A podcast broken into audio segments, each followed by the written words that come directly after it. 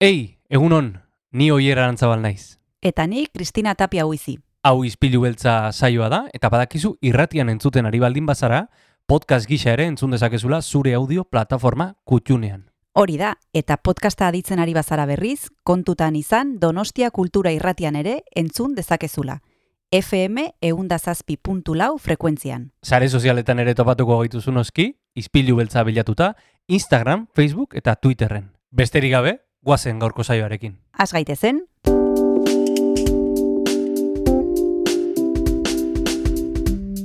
Ispilu beltza.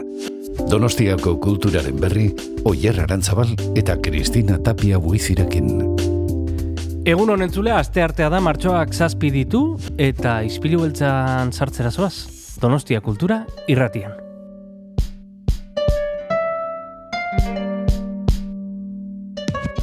Egunon, Kristina. egun onoier, zer moduz? Humoren ez? Humorean ez. Mm, eh, bai, Martxoak humoren zazpi, eh? eh, Bihar oso egun importantea da. Martxoak zortzi, Bai. eta ja nik uste dut eh, pertsona askok eh, ja prestatuko dutela zerbait gaur, eta hariko direla biharkoare Bai. prestatzen, eta bueno, hori horrutzen dizut, ja martxoak zazpi, baina bueno, niri egun hori bihar Zu prestatu zara? beti prestatzen naiz. Niretzat eh, biharko eguna urterik, urteko egunik garrantzitsuenetako bat da. Begira. Bai. Begira. Bueno, horra, eh, kalendarioan apuntatuta, egutegian hor ma, eh, eh, letra larriz jarrita. Hori da. Baina bueno, Eta... Lebiziko eta- gaurkoa pasa behar dugu lebiziko. Hori da, gaur artea da, eta aste artero bezala, kresalako lagunak etorko zaizkigu. Kresalako lagunak hurbiltzen zaizkigu aste hartetan, baina e, gaur justu etorriko zaigu Ines Kalero, bera ez da Kresalako kidea, baina asko daki zinema dokumentalaren inguruan eta nola gaur arratsaldean e, Kresalako lagunek jarriko duten Trueba Zinemetan Geographies of Solitude izena duen pelikula eta dokumentala da Ines Kalero aditua gonbidatu dugu pelikula honen inguruan aritzeko eta gainera musikari buruz arituko gara oier Neomak taldea izango dugulako justu gaur Victoria Eugenia Antzokian gure ahotsak ekimenaren baitan eta gurekin egongo da Garazio eta Egi. Garazio eta egi, esan bezala, gaur bertan, zazpiderdietan, Vittorio Eugenia Antzokian, izango dugulako gure agotsak. Eta, tira, eta mm, gainera, asier erraztiren musika. Gainera, imaginatu ze luxua. Ez da gutxi, eh? Ez da gutxi. Ez da gutxi. Eta bere baimerarekin, ba, hasiko dugu gaurko izpilu beltza. Hori da, guazen gorko espilo beltzarekin.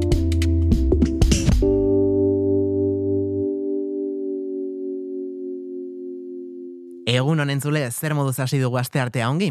Tira, orain ispilu beltzari hasiera emateko iparraldera joko dugu, Euskal Herriko iparraldera.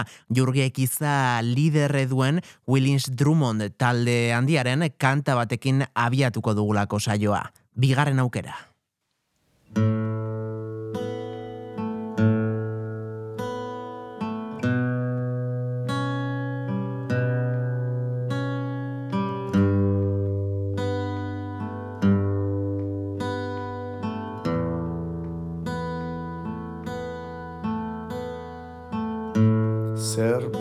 Kaldu dut ene sakonean Deus ez da utzi Bakarrik galdu.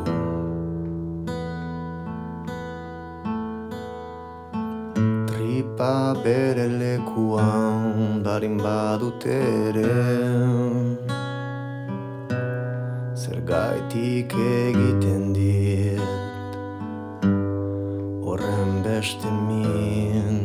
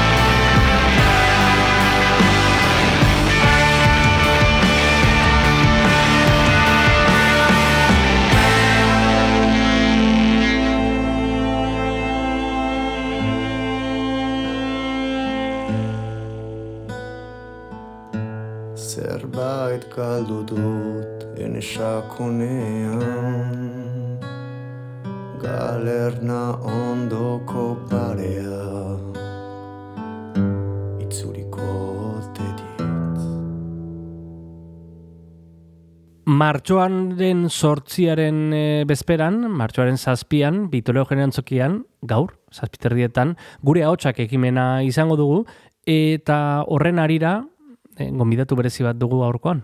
Bai, badekizue egunotan e, kontzertu mordoa e, entzuteko aukera izaten ari garela Victoria Joanean txokian, gure haotxak ekimenaren baitan, eta hemen izan ditugu protagonistak Maite Larburu Olatz Salvador, eta, bueno, besteak beste, neomak taldeko garazio eta egi gaur arratsaldean egongo da, bere, lan, bere kideekin batera, eta guk izpilu beltzara ekarri dugu, e, ba, talde ontako kide den, esan bezala, garazi eta egi. Elkarrizketa polita berarekin izan duguna eta jarraian entzengo duzuna. Jarraian hemen, izpilu beltzean, graziotaki.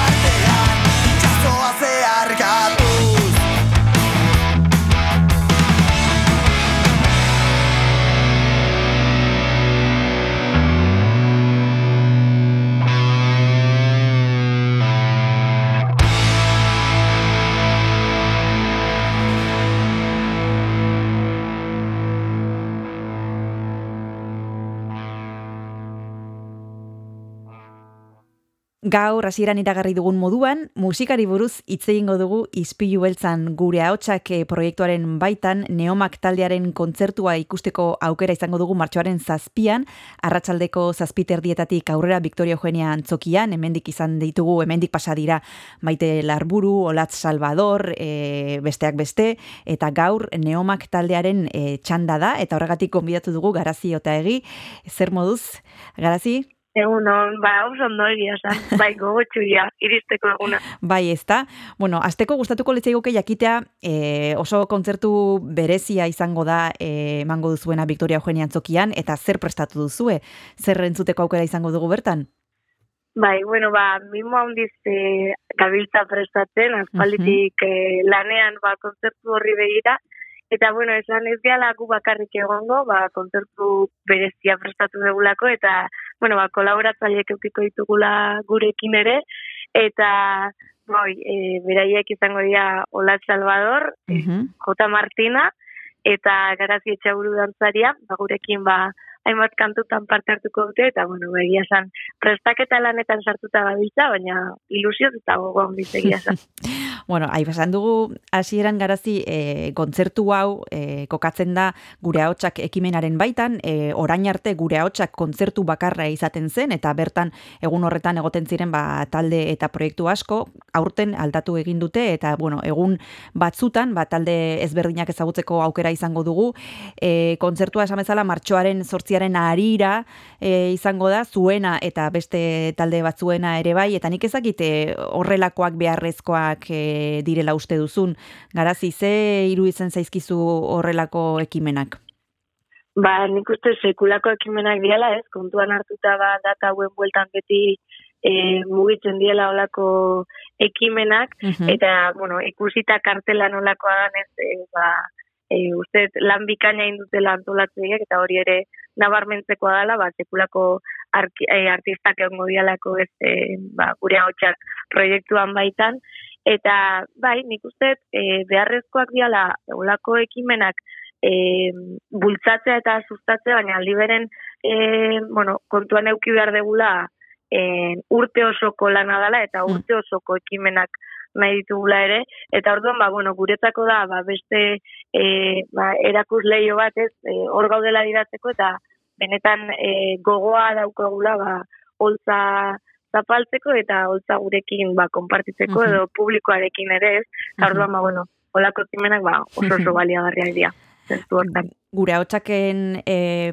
esan, dut, esan dugu eh, beste emakume batzuk ere egongo direla eta besteak beste Olatz Salvador izan genuen hemen gurekin Donostia Kultura Irratian eta berak esaten zigun gustatuko litzaiokela martxoak zortzi urte guztian izatea, eta ez bakarrikan aldarrikatzea egunotan emakumeek eskubia daukatela berdin-berdin holtzaren gainean egatek egoteko, eta urte guztian emakumeak e, programatzea gustatuko litzaiokela berari. Ez dakit, e, zuek arazoak izan dituzuen, e, ba bueno, emakume izateagatik musikaren munduan edo bereiztuak sentitu zareten nolabait momenturen batean edo edo Nik uste E, bueno, era bat ados e, olatzekin nola ez, mm. ba, bueno, denak nahi dugulako ez, urte osoan zehar e, ikusiak eta lekua bermatua izatea. Mm-hmm. Eta zentzu hortan, e, e, esango nuke musikan alorra bai dela e, ba, egungo realitatean izpiluan. Mm. Eta nola ez, ba, bueno, ba, kalean edo egunerokoan e, ikusten dugun hori edo jasotzen dugun hori,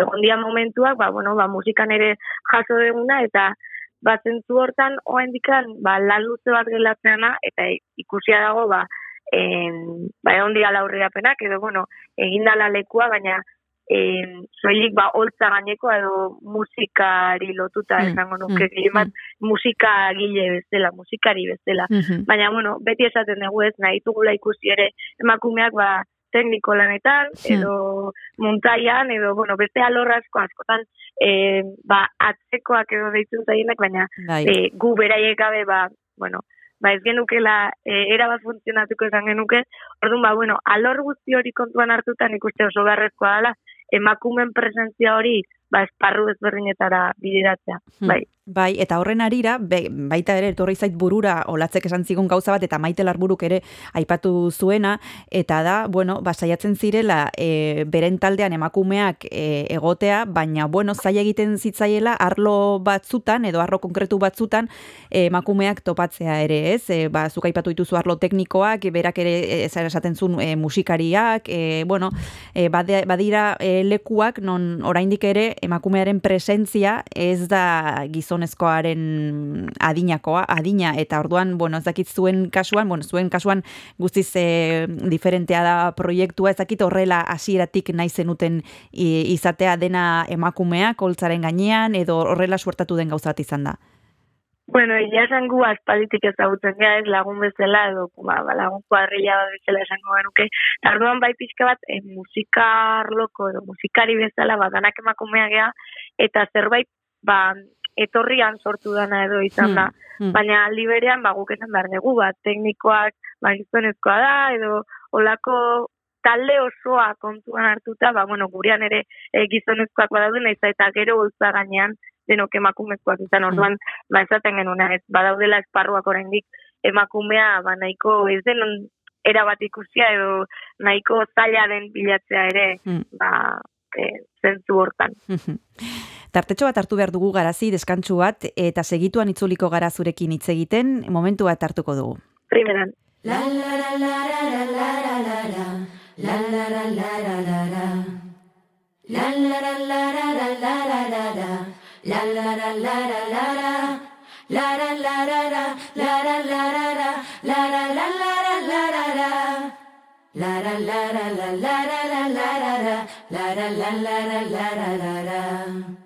Soinu joleak plazara datoz, oiu ez lagunduta. Nire begia kriskitin eizo, zeharo txundituta Musika ozen gizonek txalo, ama etxean sartuta. Kantua laien atzean amaika, inposak eta zutatuta Musika ozen gizonek txalo, ama etxean sartuta Jaia kondena bihurtu liteke Kate astu nauei lotuta. Kampoan notza dagoeneko Eguna itzali da. Ni bitartean ispiluari Parez pare begira. Ile askatu gona altxatu Talo txazberantzatira Nik zue berrik ustan zaitut baina gona atxatu, talo txazleran zatira. Pekaturik handiena ote da, norbera ekiko desira. Pekatu entzamak zenbat irauten dudan muaren bidean. Konfesatuko naiz pekatuz pekatu irritzi bakoitzean. Pekatu entzamak zenbat irauten dudan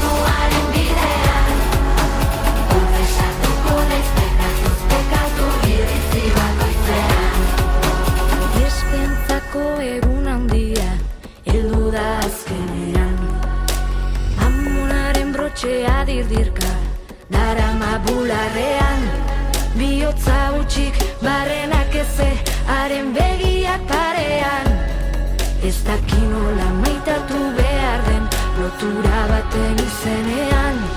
Biotza utxik barrenak eze Haren begiak parean Bere burua maitatzen sekula Erakutsi ez diotenean. Beste entzako egun handia Heldu da azkenean. Amonaren brotxea dirdirka Daramat bularrean. Biotza utxik barrenak eze Zure begiak parean. Ez dakin nola maita zaitzak edan Lotura baten izenean Biotza utxik barrenak eze zure begiak parean. Nire burua maitatzen sekula erakutsi ez didatenean Ekatu ez amak zenbat irauten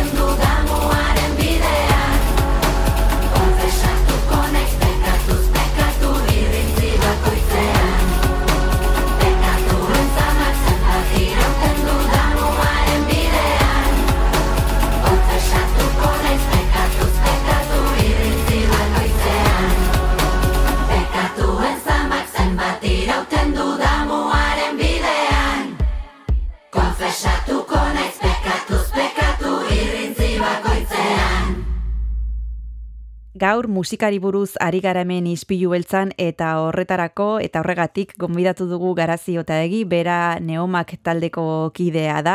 Badekizue Victoria Eugenia Antzokian e, kontzertua eskainiko dutela, martxoaren zazpian izango da arratsaldeko zazpitardietatik aurrera, gure ahotsak ekimenaren baitan emango dute kontzertua, besteak beste proiektu hontan e, parte hartuko dute Maite Larburuk, Olaz Salvadorrek, e, Natalia Lakuntzak, besteak beste, eta ari ginen hitz egiten, ba nola aldatu diren edo nola ez diren aldatu gauzak oraindik ere garazi e, nahikoa aldatu dira. E, uste duzu pausuak ematen ari garela sentsazioa daukazu pabiskat estankatuta gaudela atzerakagoa zela ere ematen du momentu batzuetan ze sentsazio daukazu honen inguruan? Ze puntutan gaude?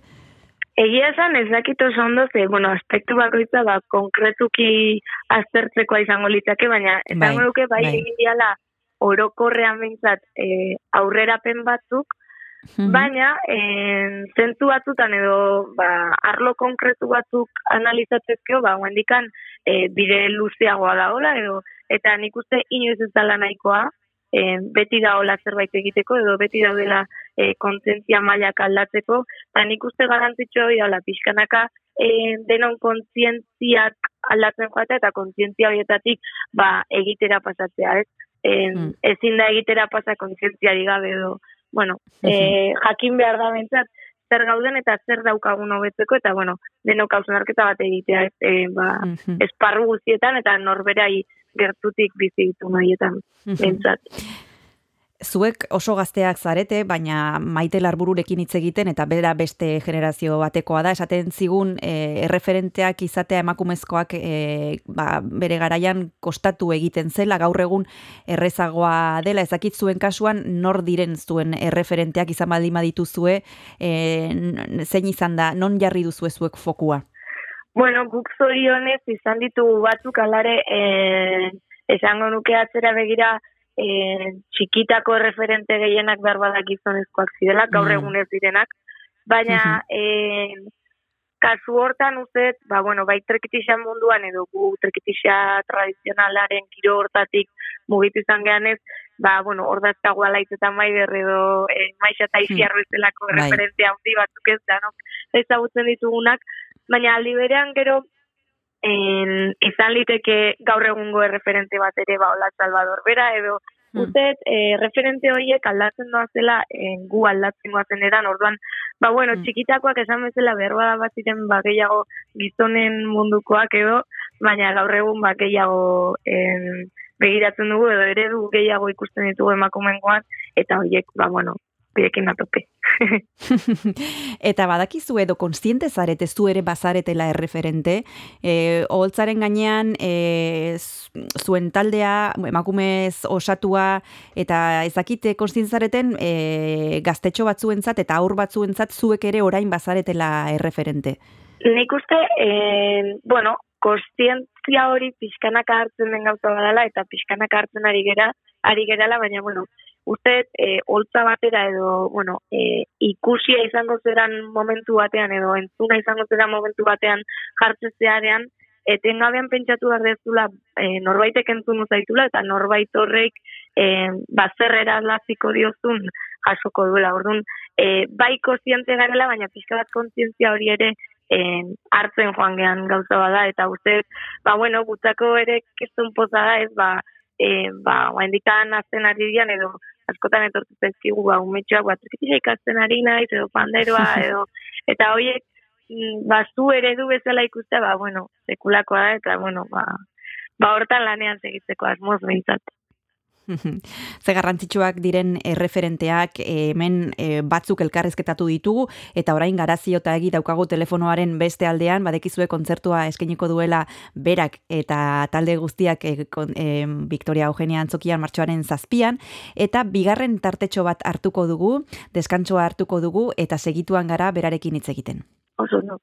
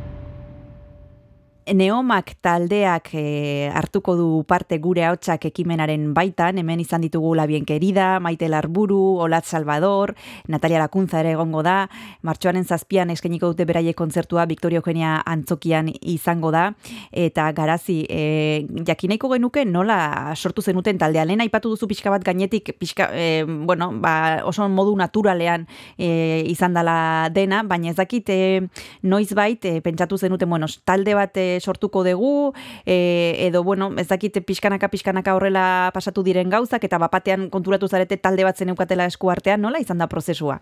Bueno, gu aurrez e, biliginen kepajunkerak sortu zuen zorginak proiektuan elkarrekin. Hmm. Eta, Mhm. bueno, e, hori bukatu zen, eta gero pandemia etorri zen, eta e, hor pixka bat, ba, gure laguntasun edo mantentzen genuen, eta iritsi zitzaigun, ba, proposamen bat, e, hiru kantu edo jotzeko alako jaialdi batean, bueno, ia jokote genuen. Eta hor, hasi ginen entzegutan, e, ikusi genuen, ba, ideia berriak sortu zian, e, gogoa geneukala, kantuak prestatzeko lamimo handit, eta hortik hasi izan da, na, gero hortik deitu ziguten beste ba, kontzertu oso bat emateko orduan hiru abestizienak hasieran ba, gero ordu beteko repertorioa pasazan eta pixkanaka Hmm. jungea, eta gero nik uste hori nahiko era naturalean edo sortu zen horri baia forma eman eta kontzientzia batekin hasi ginara lantzen, baia e, gure kantu propioak, nolakoan egin ditun, bueno, gero diskoa ere grabatu genuen, orduan, Hmm. ba, hasieran hasiera batean nahiko era, ba, bueno, zerbait ingo dugu, eta gero ja, ba, bueno, ba, buru belarri jarri ginen hortan, eta, bueno, ba, oso pozik egia zen. Guk gaur esan bezala garazi otagi daukagu Donostia Kultura Irratian, baina aipatu behar ditugu nor diren gainontzeko kideak Eneritza Ulestia, Alaitz Eskudero, Amets Ormaetxea, Leire Etxezarreta, eta Irati Gutierrez eta Maria Lasa, ez? E, oso talde anitza, bertan zuen proiektuan nazten dituzue, ba, zuk, zuk esan dituzu ez panderoa, trikitixa, soinu elektrinik, elektronikoak, e, nola bururatu zitzaizuen nasketa hau, zergatik erabaki zenuten e, hau guztia erabiltzea zuen musikan? Bueno, eh, trikitiz eta panderoa guk ba, txik, txikitatik jaso ditugun instrumentuak dira, eta horri gure ahotsak lotuta esango nuke ahotsak ere ba, presentzia nabarmena dutela kantuetan. Eta argi geneukana zan, e, mundu, hortat, mundu hori edo guk maite dugun hori mantendu zerbait e, berezia edo e, gaur egun guk entzungo genuken musika bat genula, eta egia da, ba, zazpirok ere e, bere txekuak, bakoitzan hor bere txekuak gea, eta, bueno, e, entzuten deu denetik, bakoitzak bere guztuekin, Orduan hor pixka bat izan da, danon fusioa edo komunian jartzea, eta hor ba, elektronikoa, musika elektronikoa danok entzuten dugu, eta dene gustatzen zaigu orduan, ba, ikusi genuen aukera oso paregabe, paregabe bat, ba, benetan guk entzungo dugun hori, ba, guk sortzeko eta, bueno, ba oso oso eskertuta eta pozik egia san. Bai, azkenean, beti esan dugu ez, perketixia askotan lotu izan da, e, ba, zerbait tradizionalagoa, edo Bai, naiz eta egon bai. diren, e, bueno, ba, hainbat talde, zerbait berritzailea induzenak, eta guandikan ere egiten ari denak, Baina, bueno, pixkanaka e, nahi genuen ba, elektronikarekin nazu, probatu, jolastu, eta, bueno, ba, urtxe gabiltza. Eta zalantza bat garazi, nola jartzen zarete ados eh, hainbeste kide, ze pentsatzen dut, zuk, eta zuk, zuk esan duzu, bakoitza bere txetik dator, baina gero emaitza bakarra da, eta, bueno, mendaukagu zuen lemiziko diskoa, baina nik ez dakit nola, nola izaten diren zuen bilerak, e, oso ez da gogorrak izaten dituzue, edo nola izaten da hori? Ez, egia da, bueno, zazpi izan da, ba, danak du bere iritzia eta bere hautsa, baina, bueno, onerako eta txarrerako, be, ba, denona hartu behar da kontuan, eta batzuetan, ba, e, ba, ez zara erabat adoz egon, edo hasiera batean bertzen zerbait esango zenun, baina azkenean badakizu taldeko e, erabaki bat hartu behar dela, eta onerako eta txarrerako zazpi era, orduan beti egongo da maioria bat, eta ba, horrekin aurrera, ez? Gero ja erabakia hartzen den momentuan, ba, baina egia da, naiz eta e, bakoitzak bere ideiak eta hola, e, ba, bueno, e, iritziak edo guztuak euki, nahiko bide igualetik edo jun izan hori gehala. Mm. E, Mhm. Matizen batekin gutxi gora bera edo nikola edo besteakola, baina egia da ez egula eukiolako jo e, oso ezberdintasun handiegirik ere erabaki potoloietan. Orduan, ba, bueno, nahiko errez, bilera luzeekin, baina errez. Bueno, bilera luze hoien ondorioa da zuen lehenbiziko lana, aipatu ditugu ze elementu dauden bertan, triki- trikitixa noski panderoa, soinu elektronikoak, nola deskribituko zenuke zuen lehenbiziko lan hau? E, norbaitek ez balu oraindik entzun, zer esango zeinioke, zer dago bertan? Ba, bertan dagola, e, ba, azpi emakumek, e, mimoz eta guztu handiz sortu duten musika, bai e, trikitixa eta pandero edo mundu horren baitan oinarrian duena, baina, bueno, gaur egungo elektronika eta baliabideak erabilita, eta, ba, ahotsek eta guk esaten dugun horrek, ba, sekulako garrantzia dutela guretzat behintzat, eta horrekin eta mezu hoiekin egin nahi degula gure bidea behintzat. Mhm. Mhm. Hori musikari dagokionez garazi, baina irudiak ere garrantzia dauka zuen proiektuan, ez? E, ematen diozue pixua honi ere, bai? Bai, e, nahiko hasieratik harri genuen, e, musikarekin egin izan den lotura hori ez, askotan aipatzen dugun bi mundu horiek tradizionala eta modernoa eta bien arteko e, ba, nasketa hori estetikarekin lotu ere, eta orduan ba, bai bideoklipetan eta bai bueno, zuzeneko kontzertuetan ere ba, saiatzen gara estetikarekin hori lotzen ez, adibidez, e, ba, kontzertuetan maoizko galtzak edo alpargatak jantzi hori ditegu, baina egia da, ba, gero em, alako makillaje nahiko bereziak edo deigarriak, eta beste zenbait gaur egungo em, ba, pitxi doratuak, eta alako elementuekin gazte ditugula, eta bueno, jola sortan oso eroso gaude, e, gustatute egun zerbait da, eta gu nik uste ondo representatzen gaitula, ze azkenean, ba, e, gaur egun bizi garen ontako bideo hori ba gu ere e, horren bitartez e, identifikatze dela esango genuke eta orduan ba bueno alako nasketa ez e, txikitatik jaso ditugun eta tradizionalak dian elementu horiek ba gaur egungoekin nazte hortan ibiltzera ba musikarekin egin duen bezala zuen ibilbidearen hasieran zaudeten, eh, nik ez dakit pentsatu duzuen edo pentsatzen duzuen e, noizbait, ba nola egongo zareten amar urte barru, bos urte barru, e, etorkizunean pentsatzen duzuen nola gustatuko litzaizuke, e, litzaizueke izatea? Ba, egia zan, e, nahiko momentuan nik uste gerala, eta ez eula, gehiek ire, hola, urrutira begiratzen, baina behintzat, e, ba, segitzea gustatu zaigun hontan, en, e, ekarpenak egitea aldan neurrian edo e, posible dugun neinean behintzat, eta ba, gozatzea, holtza gainean eta holtzatzeko lanetan ere. Eta 2008 garren urtea garazi nola, nola izango da? Bada, noski hemen donostian kontzertu eskainiko duzu, hortik aurrera badaukazue beste zerbait lotua edo oraindik anaritzarete gauzak isten? Ba, egia zen, e, datak, ba, guantxeari bidea lotzen bai udari begira eta baita ba, datorren udazkenari begira. Eta, bueno, ba, martxoan, bai donostian azita eta ba, nahiko tope edo Madrilera edo berrizen ere izango gea, Eta pirilen ere, bueno, baitugu kontzertu batzuk jadalatuak, bai. bueno, momentuz guk entzulei esan aldiegu martxoaren zazpian e, neomak ikusteko aukera izango dugula Victoria Eugenia Antzokian, arratsaldeko zazpiterdiet, zazpiterdietatik aurrera esan dugun bezala. Garazio eta egin, mila esker rizpilu beltzara urbiltzeagatik, besarka bat eta horrengor arte. Mila esker zuei. Agur.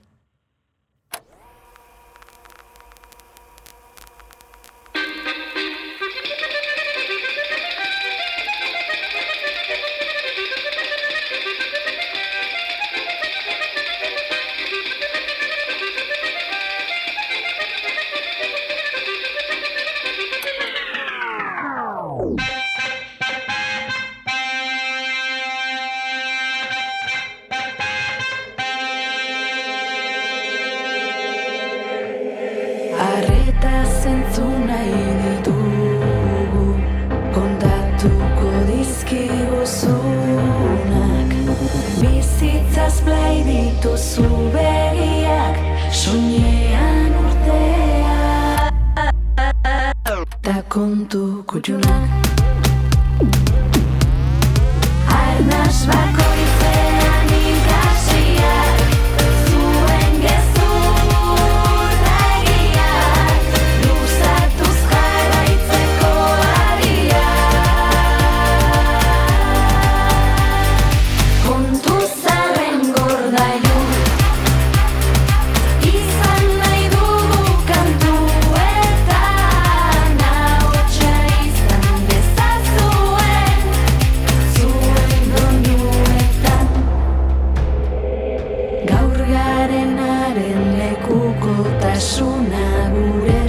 sustraietan Jasotakoen ondareak piztu dira erraietan.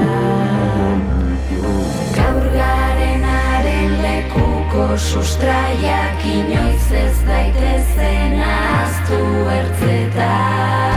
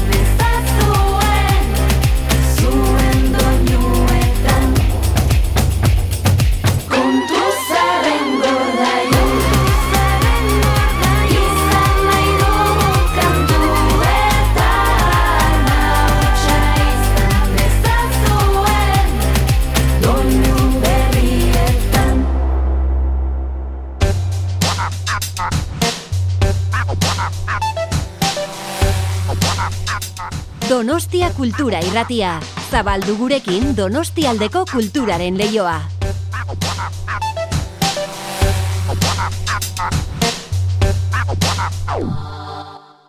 Gaur aste artea da entzule badekizue aste artetan zinemari buruz aritzen garela hemen Donostia Kultura irratian eta horretarako gonbidatzen ditugu normalean Kresala Zinekulueko lagunak. Gaur pertsona berezi bat daukagu telefonoaren beste aldean, bera Ines Kalero da eta aditua da e, ez fikzioko e, zinean, e, Docs and Talks izena duen podcasta zuzentzen du eta kritikak ere idazten ditu eta gaur erabaki dute Kresala Zinekulueko lagunek bera izatea e, pelikulari buruz itzeingo duena. Pelikulak izena du Geographies of Solicitude eta justo esango digu egunon. Inés, egunon, ¿qué tal estás? Egunon, muy bien, encantada de estar con vosotros. Bueno, es, eres la, la, enviada especial que nos manda a Cresala para que nos hables de este proyecto tan especial eh, y yo creo que mm, mejor que nadie tú que nos para que nos hables de, de esta película como, como persona que, que, sabes muchísimo de no ficción y, y, de ello sueles hablar en tu podcast uh -huh. y también escribes.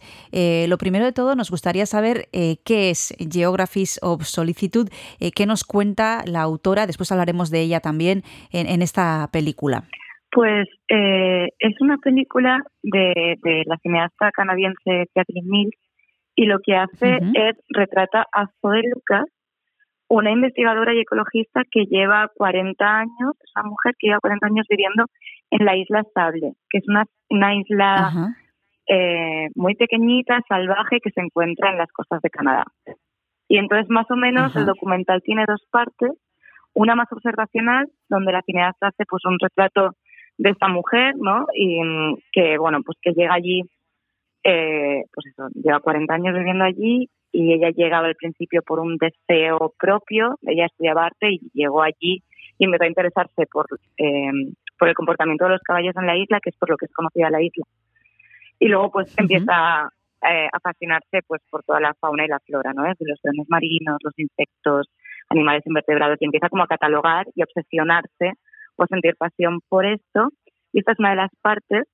Y luego eh, el documental también tiene una parte más experimental donde, digamos, la propia cineasta lo que hace es experimentar con todo el material que le da la isla, con la arena, con el pelo uh -huh. del caballo, con y utiliza eso para impregnar la película, porque es, una, es un documental rodado en película de 16 milímetros. Uh -huh. Sí, es una película, como decías, eh, un documental eh, que en principio eh, trata de acercarnos a Zoe Lucas, uh -huh. una persona que lleva más de 40 años viviendo en esa isla casi casi, bueno, remota podríamos decir, ¿no? Que uh -huh. se llama Sable, en las costas de Canadá. Eh, Inés, si te parece, nos vamos a tomar un pequeño descansito y volvemos ahora mismo para hablar de este trabajo de Jacqueline Mills, Geographies of Solicitude, y continuamos ahora mismo. Perfecto. Ao arraro, ao zaila, ao zarrepai Zenbat lotxa, zenbat min, itz deslai Dijunak da ez dijunak esan nahi Ezinak batzuk astuak ere bai, ere bai ez omen da gai.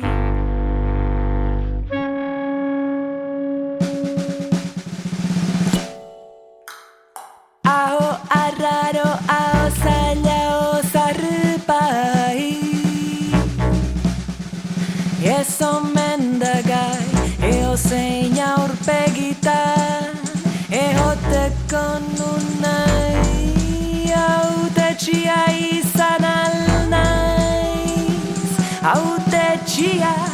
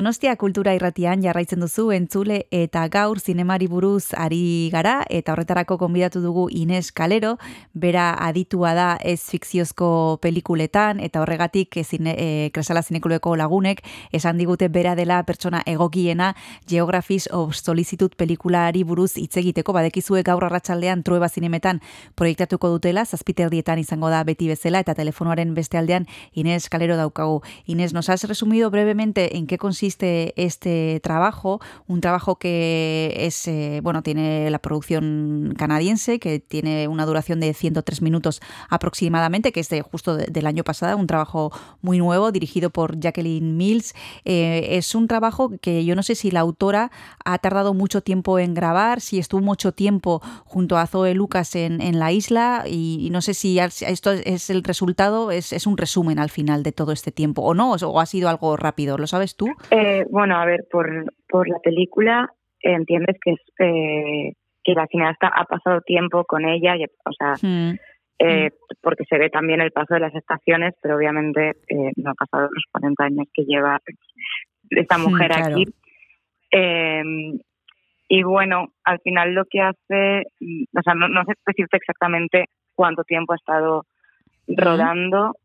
pero bueno, al final en lo que hace al final es como generar un vínculo de amistad y entiendes que la peli un poco se acaba mm. cuando a ella se le acaban los rollos de película. Que esto eh, es también como una reflexión, sí, eh, como que no sabemos si, si ella hubiese tenido más películas y si hubiese seguido filmando o, o experimentando. Y, mm. y sí, no sé. Eh, lo que quería eh, resaltar, que antes no, no lo he comentado, es que realmente ¿Sí? es una película que, más allá también de seguir a esta mujer, esta mujer lo que hace es analiza eh, qué consecuencias tiene, eh, pues eh, sobre todo se centra en el análisis de los plásticos, en, o sea, qué consecuencias tiene como estas acciones y el problema que tenemos con la producción de plásticos a escala más global, ¿no? Entonces al final es una película que sí que habla pues eso, del cambio climático y de nuestra de nuestra relación con con el o sea, con, con la producción de plástico en concreto y las consecuencias y el impacto que tiene en esta isla en concreto, pero que se extrapola un poco a, a, a, a o sea, como a, a, un contexto más global, porque al final uh -huh. nosotros arrojamos el plástico al, a la basura, no al contenedor, no sabes, bueno, en el mejor de los casos, ¿no? Sino en el mar. Y no sabes como qué recorrido sí. tiene hasta dónde puede llegar nuestros residuos. Sí. Y creo que es algo importante, que es como uno de los temas que subyace y que se o sea, que, que la cineasta, o sea, la cineasta, no, perdón, la investigadora Lucas es algo que, que analiza, ¿no? Y que también le, sí. le, le atormenta, digamos. Como experta Inés en este tipo de trabajos, a ti personalmente, ¿qué es lo que más te ha gustado de, de esta película? ¿Qué subrayarías? Pues eh, una de las cosas que, por lo que me parece bastante importante, la peli, es eh, por esta, eh, por esta reflexión que hace sobre la importancia de la escala en la que medimos las cosas, porque uh -huh. tiene la capacidad de retratar una isla que es muy pequeñita, pero la retrata de una forma como muy inmensa, con esas dunas, ese, ese mar, ¿no? como el, el horizonte.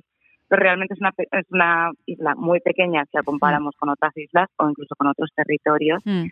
Y también, bueno, pues, eh, y algo que contrasta también todavía, si comparas con el análisis que a veces hace de estos insectos pequeñitos y hace, mm. o sea, no sé, esta parte me gustó mucho y sobre todo por la parte experimental, que creo que es lo, lo más eh, novedoso, ¿no? que, o con lo que la, la espectadora se puede sentir también más asombrada, que es cómo la cineasta lo que hace es trabajar con la película, o sea, con los mismos materiales o objetos de estudio con los que Zoe trabaja.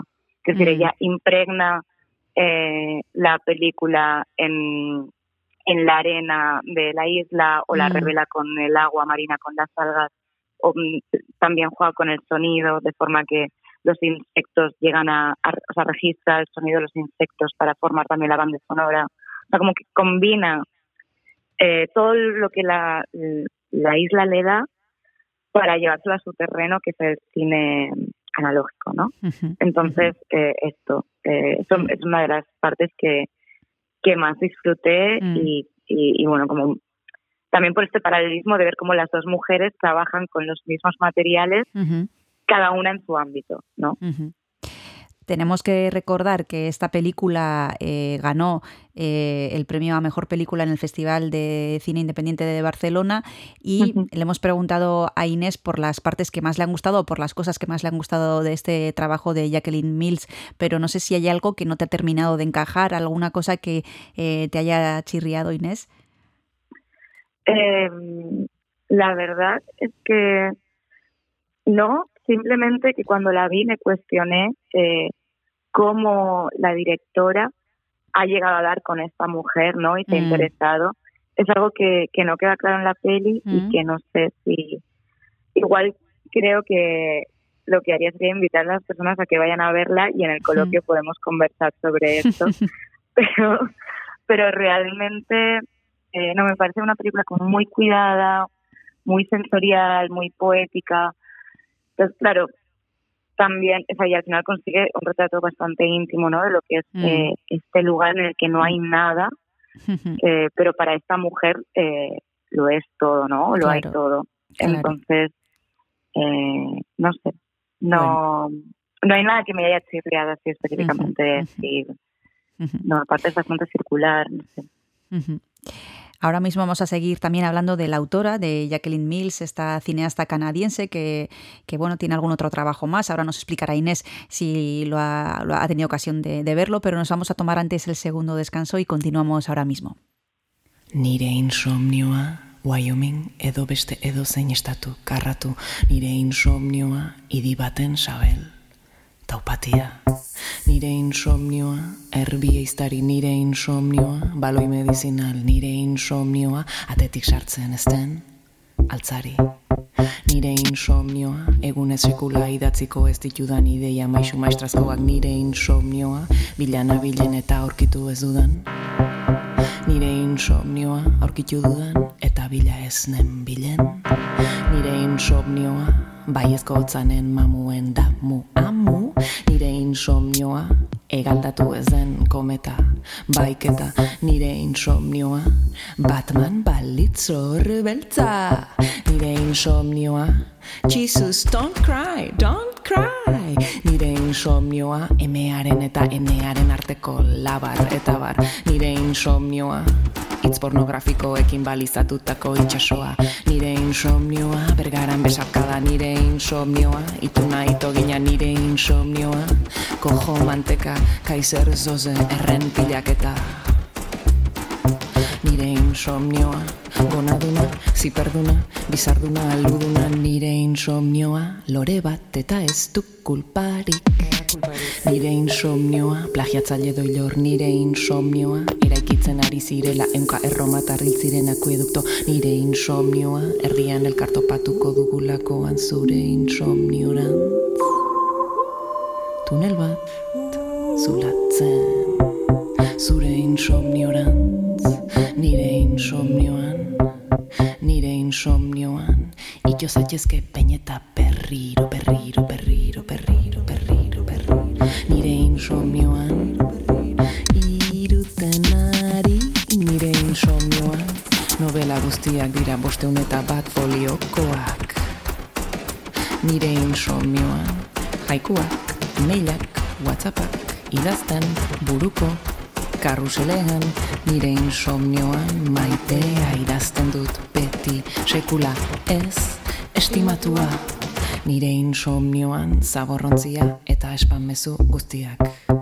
Nire insomnioan brat meldau, nire insomnioan brat meldau, nire insomnioan brat meldau. Kontzertu bostean bakarrik erretzen guabaseko izkinan.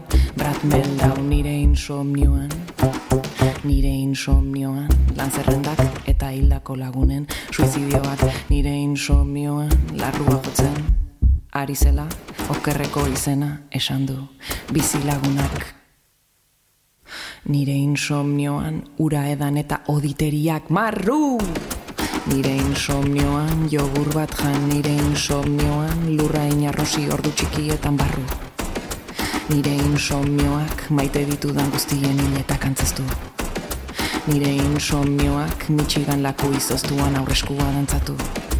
Nire insomnioak banku korronteko zenbaki gorriak, bronte, aizpak, eta asular, irakurri ditu. insomnioak, gaixotasun guztiak, nire insomnioak, prospektuak oro, nire insomnioak, saminean laguna mets biribilak irabiatu eta birrindu, nire insomnioak, ameskaiztoen metralla egurrezko abeetan, nire insomnioak, intxugi pizzadura urrezko,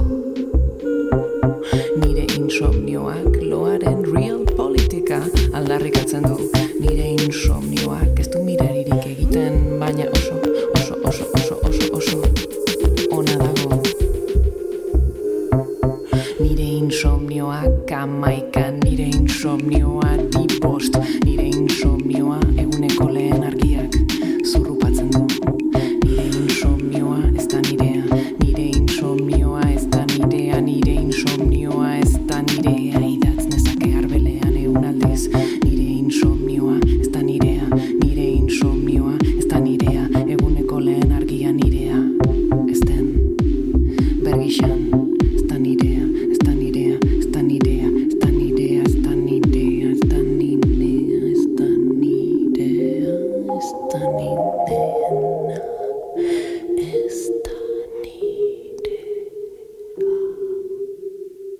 Donostia Kultura Irratian jarraitzen duzu entzule eta gaur zinemari buruz ari gara. In zuzen ere Trueba Zinemetan Kresala Zineklubak jarriko baitu Geographies of Solicitude da Jacqueline Mills zuzendari kanadiarraren e, azken lana 2022 bigarren urtekoa iazkoa. Justu eunda iru minutu irautun ditu pelikulak eta guk gaur gonbidatu dugu pelikula honen inguruan aritzeko Ines Kalero bera aditua da ez fikziozko pelikuletan eta gainera podcast bat dauka horren inguruan. Do kalzo Tox eta gomendatzen dizuet eh, nahi izan ez gero eta izan ez eh. Inés, eh, me gustaría también que nos describieras brevemente a, la, autora, ¿no? Hemos dicho que tiene otros trabajos, por ejemplo, In the Waves, yo no sé si has tenido ocasión de, verla y, bueno, qué, recorrido podría tener esta mujer canadiense que, bueno, es muy joven y, no sé si, si nos puedes decir algo más sobre ella. Pues no he podido ver sus, sus trabajos, tiene como dos primeros, Liz y For Wendy, que son ficción, pero uh -huh. luego sí que se dedica a la no ficción, como es In the Waves, como, como has comentado, eh, y más o menos su, su cine se caracteriza por ser eso, como muy observacional y, uh -huh. y sensorial. Uh -huh. Le da eh, le da importancia pues eso como a los pequeños gestos uh -huh. es como muy de detalle eh, muy eh, esto muy poéticos sutiles y no he podido ver este documental que la verdad es que tengo ganas pero sí que sé que es una cineasta que trabaja con con otras cineastas también eh, canadienses uh -huh. y por ejemplo hizo toda la parte de, de fotografía y el diseño de sonido de de la última película de Sofía Bodanovista, uh -huh. que es Point and Line to Plane. Entonces, bueno, esto es mmm, lo que podría decir que también es una, una película como muy sensorial, con una imagen, una foto muy cuidada, rodada en 16. Entonces, digamos que, que es una cineasta que se caracteriza un poco por todo uh -huh. esto, o que también se relaciona con y trabaja con cineastas que más o menos tienen este mm. mismo estilo. Has dicho que eh, la autora utiliza imágenes poéticas, eh, hay bueno, mm, escenas eh, muy sutiles y yo no sé si esto significa que es una película difícil, si nos va a costar seguir el ritmo, si nos va a costar entenderla, porque a veces aquí siempre a los, a los compañeros de Cresala cuando vienen les pregunto, bueno, pero esta película ¿a quién se la recomendarías? Porque a lo mejor no es para un gran público y en este caso tú has dicho algunas palabras que yo no sé si van a asustar a alguien o si es una película para, para probar y para experimentar. ¿A quién se la recomendarías tú, Inés? Ya, es cierto. Es cierto que igual no es una película que a priori eh, recomendarías, ¿no? Por ejemplo, vienen de hacer un ciclo Caurisma que, que igual es como mucho sí. más eh, conocido que, que esta sí. autora.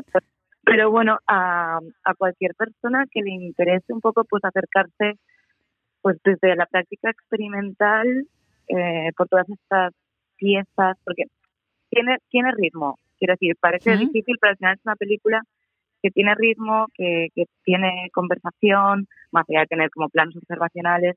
Entonces, para quien quiera, o sea, para quien le interese o esté sensibilizado con eh, la investigación y, tanto de la flora, la fauna o el, esté concienciado y sensibilizado con el cambio climático, creo que la, pueden la pueden disfrutar y también por quien quiera descubrir o acercarse más a, al cine experimental, porque es, un cine experimental asequible, no al combinar estas partes, quiero decir, no, no va a ser nada así como demasiado Eh, no quiero decir elevado, pero como decir de, bueno, no, no estoy entendiendo nada, no, no, no sé qué me están contando. No, tiene una historia, tiene una historia eh, humana detrás y, y nada, es, estas pues para quien le interesa un poco de cine y ciencia, digamos, como la, mm, la convergencia entre cine y ciencia. Pues con esta recomendación dejamos a Inés Calero y también dejamos a los oyentes, como hemos dicho, esta tarde a las siete y media, Geographies of Solitude, la película dirigida por Jacqueline Mills, para quienes estén interesados en, en la ciencia, para quienes estén interesados en este tipo de documentales, para quien quieran, quien quiera descubrir qué ocurre en la isla de Sable, qué ocurre con la vida de Zoe Lucas también. Yo creo que es una invitación de lo más sugerente. Muchísimas gracias, Inés Calero, por haberte acercado a Donostia Cultura y Ratía. Un abrazo y hasta la próxima. A vosotras, a vosotras, ahí nos vemos. Agur. Agur. Zazpi itxaso eta kolatuak Sentitu ditu txalu pazarrian Orain hemen gaude mozkorturik abesten. Kanta uriko kaitxiki honetako txoko iun batian. Karibeko gardenetan zanga. Terrano bana zurrak dardarka Itxas milak asko baina ez naiz iritsi Itxasoa eta zerua batzen tire marra otara Ez aldaki zuarna falta zaidala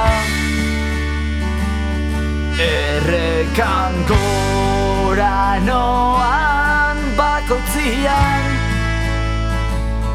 Arrainen antzera itota Itxasotik apartatzian Arrapatu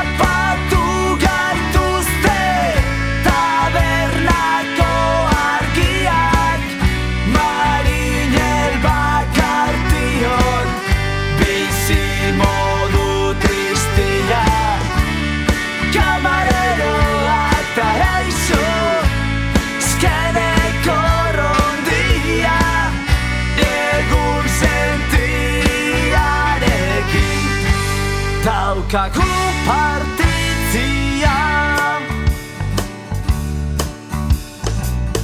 Portuetako lamien liura Marrazo gozetien ozkada Lapurtutako bihotzate txikiak Dauzkat itxas labari junet ozeano azpian Ez naiz txintxo berkatu gabia Etxean nahi duten printzipia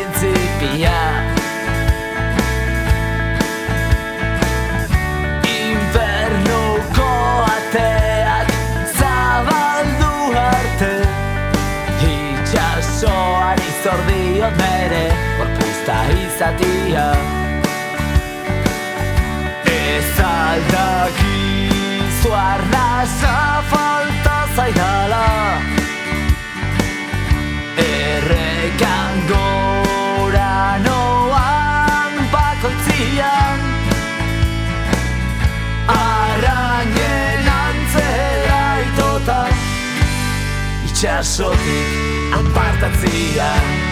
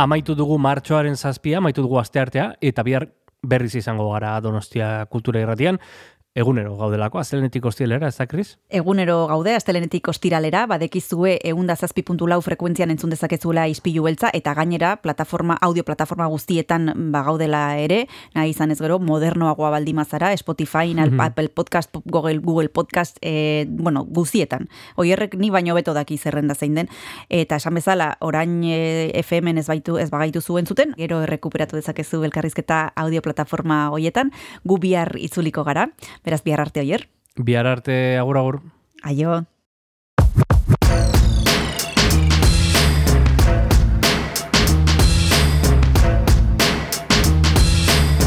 Ispilu beltza. Donostiako kultur paisaiaren isla da Donostia Kultura Irratian eta zure audio plataforman Spotify, Apple Podcast, Google Podcast eta irratia.donostiakultura.eus webgunean.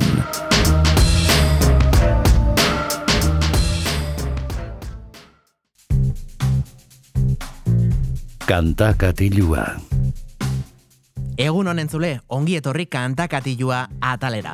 Badakizue naiz eta Kristina eta Oie erragurtu ditugun ispilu beltzak aurrera darraiela, eta datozen minutuak eh, musikari egingo diegula tartea.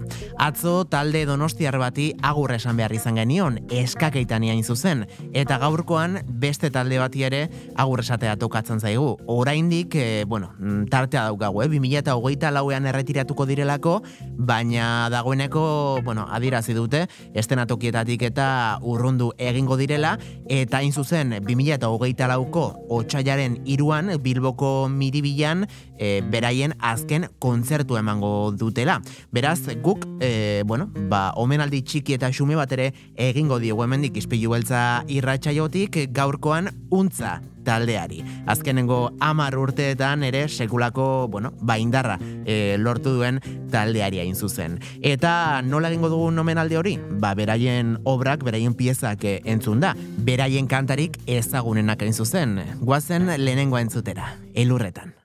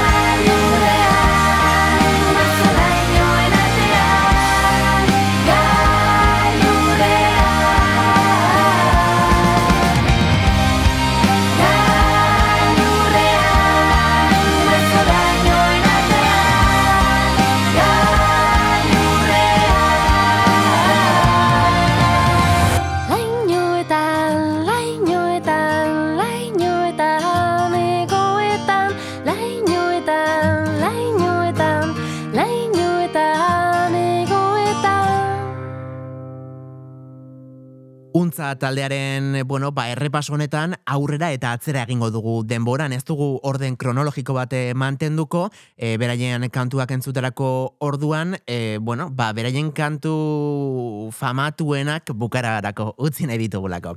E, hau dudari gabe kanta oso ezaguna, 2000 eta mazazpian kaleratutakoa, e, lumak epean bi kantuz osaturiko ba, diska edo, bueno, ba, epe, epe batean, hain zuzen esan dugun moduan. E, bertako bikantak gainera sekulako arrakasta izan zuten.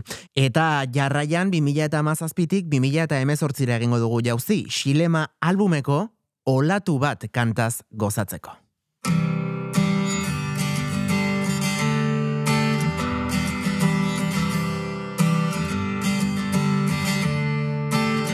Patuaren eraginez Egur eta olfinez Patuaren eraginez.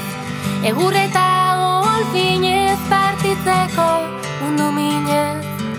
Zeari putze ginez Triste dago lurrosoa Talurko eta itxasoa Triste dago lurrosoa Talurko eta itxasoa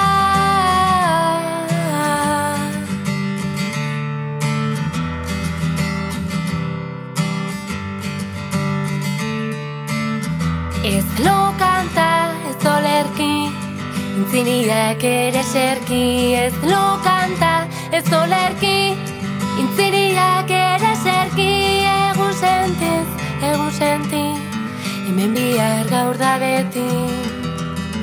Triste dago lurrosoa, ta lurko ta itxasoa. Triste dago lurrosoa, ta lurko ta itxasoa.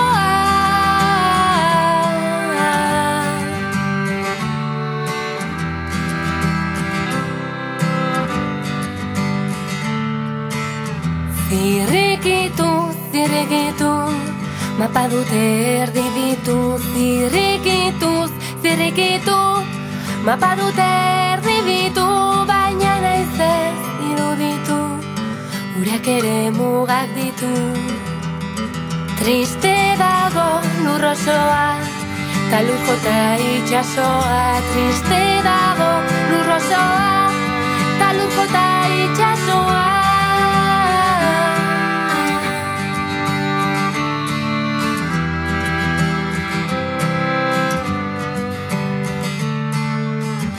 Olatu bat biolatu, zenbat bihotz mutilatu. Olatu bat biolatu, zenbat bihotz mutilatu. Senatari diputatu, nola gauden begiratu. Ta eskuak ondoratu, ez gaitezen ondoratu. Ta eskuak ondoratu, ez gaitezen ondoratu. Ondoratu, ez gaitezen ondoratu. Ta eskuak ondoratu, ez gaitezen ondoratu.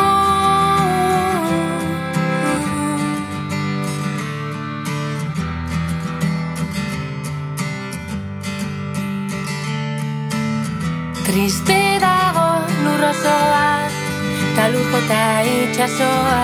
Triste dago lurrosoa, ta lurko ta itxasoa. Triste dago lurrosoa, ta lurko ta itxasoa. Triste dago lurrosoa, ta lurko ta itxasoa.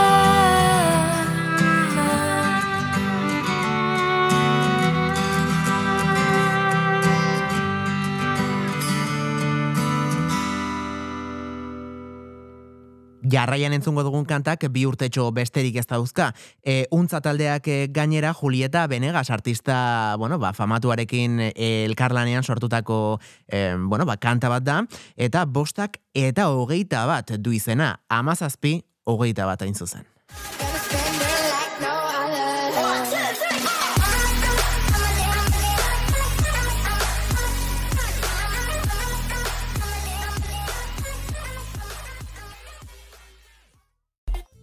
Hola, hola chicos y chicas, espero que estén muy muy bien, espero que estén muy muy bien. Y hoy venimos con otro video, video, pero antes de eso, como siempre les digo, información de siempre. Recuerden, recuerden que si quieren saber un poquito de mi vida, de lo que hago a diferencia de los Video pues aquí les estoy mostrando unos trailers de unos videos de mi grupo de baile o y academia en proceso de crecimiento y adaptación. Entonces, si quieres saber, pues allá me pueden seguir, apoyar, eh, ver los trailers que, estoy colocando, los videos. Igualmente acá abajo en la caja de descripción está el link de mi canal de, de baile en YouTube. Ah, y pues para que sepan un poquito más de mí, a diferencia de los videorachos. Ustedes ya saben eso. Y pues bueno, también recordándote, recordándote, recordándote de que estoy resubiendo los videos en tres, plataformas nuevas que es Cost TV, Odyssey y VTube, donde allá pues estoy resubiendo los videos. Si me quieres seguir, apoyar, donar, dar su visita allá, dar su like, ya que allá se me genera algo de ingreso.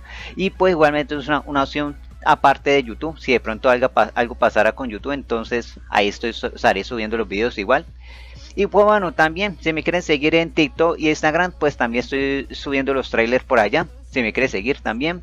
Y pues bueno, también, también recordando sobre el Respecha, si quiere que yo le reaccione un video un poco más rápido a diferencia de los videos que me dejan o las peticiones que me dejan en los en los comentarios pues ahí están los respechas me puede solicitar mi correo puedo pero mientras que apoye lo que haya y patrocina lo que lo, lo patrocine lo que yo haga pues se haría la reacción mucho más rápido ya saben eso. Y pues bueno, también recordándole, recordándole la última opción, la última opción que si me quieren donar, donar, pues ahí está la donación a PayPal, si me quiere apoyar más directamente en sí. Y pues bueno, lo último, pues recuerden, compartan, compartan mis videos, compartan mis canales para que crezcamos más, más, para que muchas personas conozcan, conozcan lo que yo hago y los formatos que yo hago en estos dos canales. Ya saben eso. Y pues bueno, también recordándole de que recuerde que este canal no es un canal de ración analítico, solamente opino lo que vi, lo que sentí, lo que me transmitió y ya, nada más, respetando a sus fans que les gusta su artista, pero pues yo raciono a lo que yo sentí y ya. Ahí sí me disculpan ahí. Y pues bueno, sé que unos videos van a tener más visitas que otros, pero igualmente, igualmente lo hago con mucho, con mucho gusto. Y pues bueno, en esta oportunidad, en esta oportunidad nos vamos para el país de España, de España, sí, creo que sí son de España, me parece. y pues bueno, es otra petición que me dejaron de por ahí. Muchas gracias por sus peticiones, por su gran apoyo. Y pues bueno, en esta oportunidad vamos a reaccionar, no sé quiénes son. Llama Junza, Junza y con Julieta Vanegas, aunque Julieta, Julieta Vanegas yo como que la distingo hace varios años, que la he escuchado por ahí, unos discos de ella. Entonces viene con su tema de 17-21. Hmm, ni idea. Entonces vamos. Vamos a conocer a de qué trata. O cómo es o qué. Entonces vamos. Y comienza. Uy.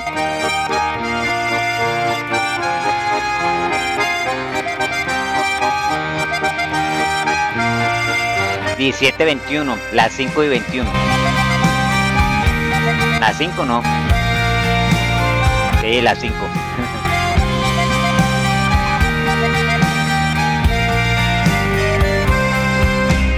Bostaketa hogeita bat, bostaketa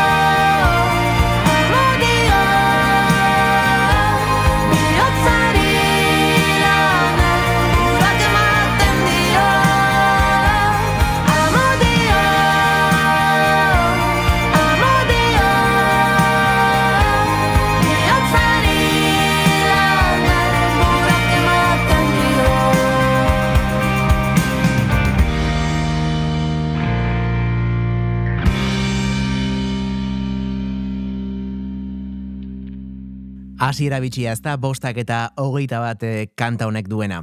Tira, e, Julieta Benegasekin e, sortua izan da entzun berri dugun kantua, eta jarraian entzungo duguna Mafalda eta Tremenda Jauriaren kolaborazioarekin ere, e, bueno, ba, kontatzen duen kanta bat da. Kasu honetan, e, mugimendu feministan Euskal Herri mailan e, oso ezagun eta ikonikoa bilakatu zen kanta bat. Zer izan du izena?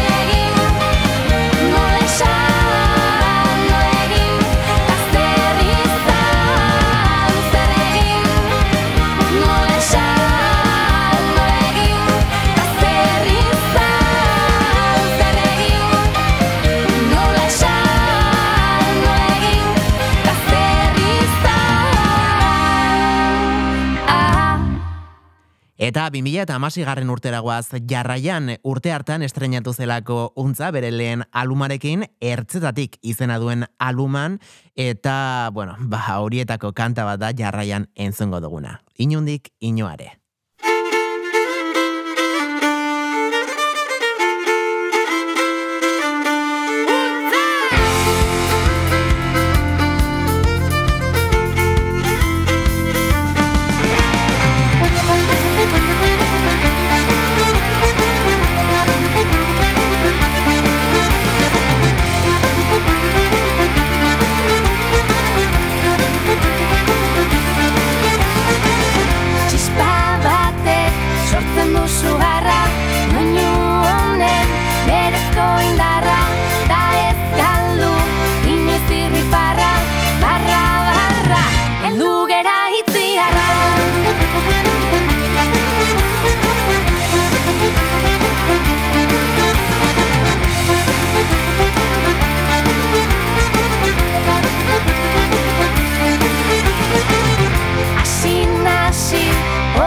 hainbat grazki Gero ikasi eta irabazi Mila esi eta mila gezi Izan berezi, berezi denak merezi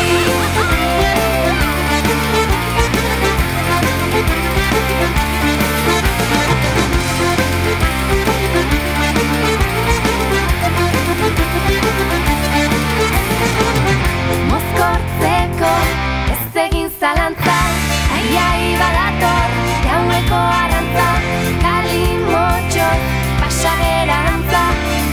olvidas la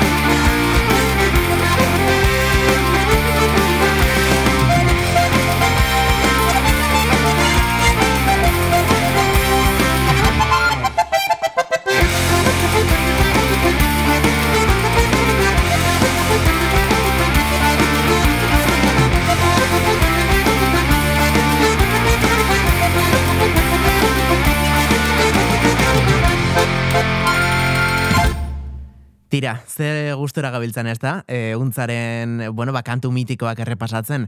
E, ni bentzat, e, hementxe, lasai, lasai, urrengo kantuak dioen bezala.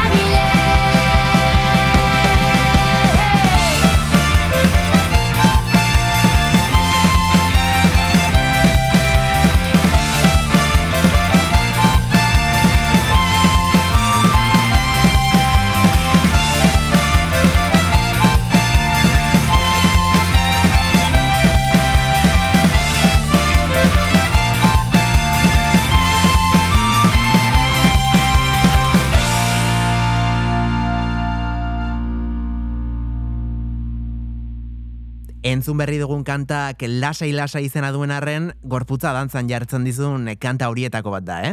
Hau, entzun berri duguna. E, tira, jarraian entzungo duguna ere, sekulako arrakasta izan dakoa. E, milak eta milak erreprodukzio e, streaming plataformetan, tabernetan, supermerkatuetan, dendetan, e, taksietan, toki danetan entzundako kantua. Kalabazak.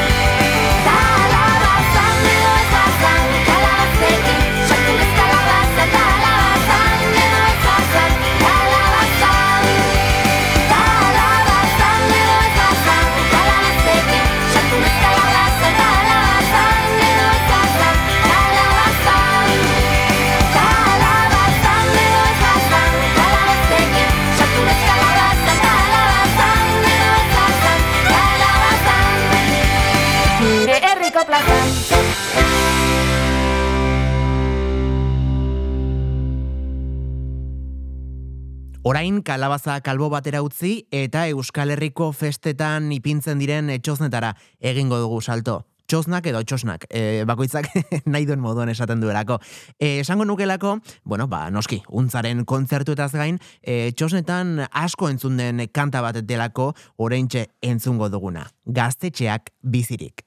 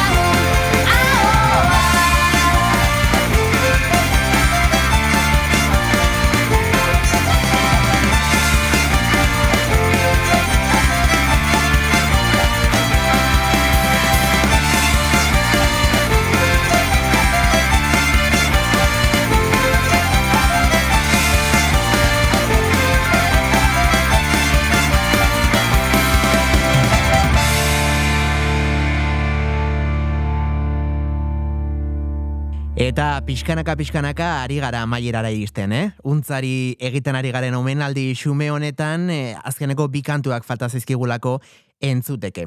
Oraintxe bertan gaztetxeak eh, bizirik kanta entzun dugu eta jarraian entzungo duguna, e, bueno, ba zuek ideia bat izateko, e, YouTubeen 2 milioi eta 500.000 erreprodukzio baino gehiago dauzka.